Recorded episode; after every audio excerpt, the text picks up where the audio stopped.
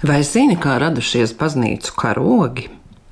Karogs ir ļoti sens simbols. Tas iezīmē teritoriju un uzskatus, vieno un šķir, iedvesmo savējos un padara niknus pretiniekus, plīvo uzvarai un tiek iznīcināts zaudējot.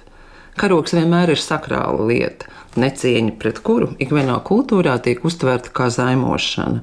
Kā karogs nonāca baznīcā un kāds tas ir? Galvenais ir sakrāla priekšmeti, kas tiek izmantoti krusta gājienos, jeb procesijās, katoļu un pareizticīgo konfesijās.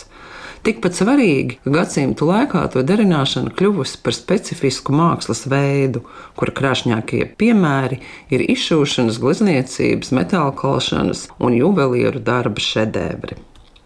Karoga simbolika parādās jau vecās derības otrajā mūzes grāmatā, kad izējot no Ēģiptes, izredzētā tauta gūst uzvaru par nedniekiem, tad seko pateicība, un Mūzes uzcēla altāri un nosauca tā vārdu: Tas kungs ir mans karoks. Un viņš sacīja: Mana roka tur tā kunga karogu. Simboliski šis vēstījums vēlāk tiek iekodēts arī jaunās derības kristiešu praksē, jo reliģiskais karoks apliecina Kristus uzvaru pār nāvi un sātenu.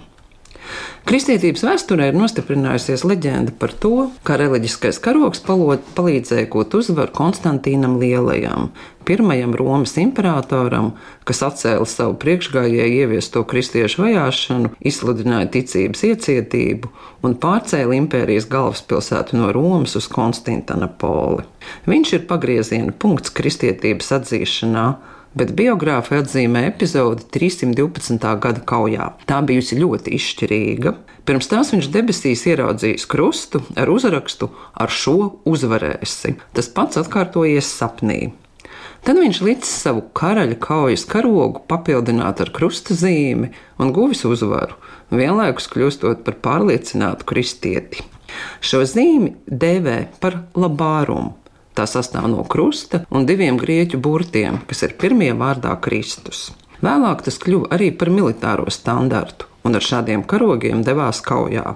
Taču pamazām militārie un baznīcas karogi nošķīrās, lai arī abi tika dēvēti vienā vārdā - horūgvi.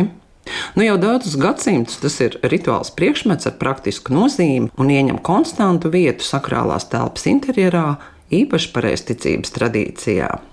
Ikdienā tie atrodas baznīcas altāra daļā, klirosā, kā pastāvīgs rotājums.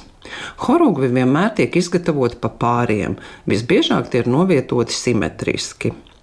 To specifika ir apusējība, tāpēc tos var izvietot brīvi stāvošus. Mākslas darbs ir gan vienā, gan otrā pusē. Fiziski tie atrodas virs cilvēku galvām, tāpēc liek vērst skatu uz augšu, bet to īpašā forma ir attīstījusi konkrētu darināšanas un rotāšanas veidu. Ja katoļu tradīcija procesālo karogu asociē ar būru, kas tiešām vējā arī mēdz piepūsties un tāpēc ir stiprināma ar četru nesēju turētām lentām, tad pareizticīgo horoguvi tiek darināti kā smagi vertikāli karogi vai ažūri metāla lējumi apaļā, saulē līdzīgā formā.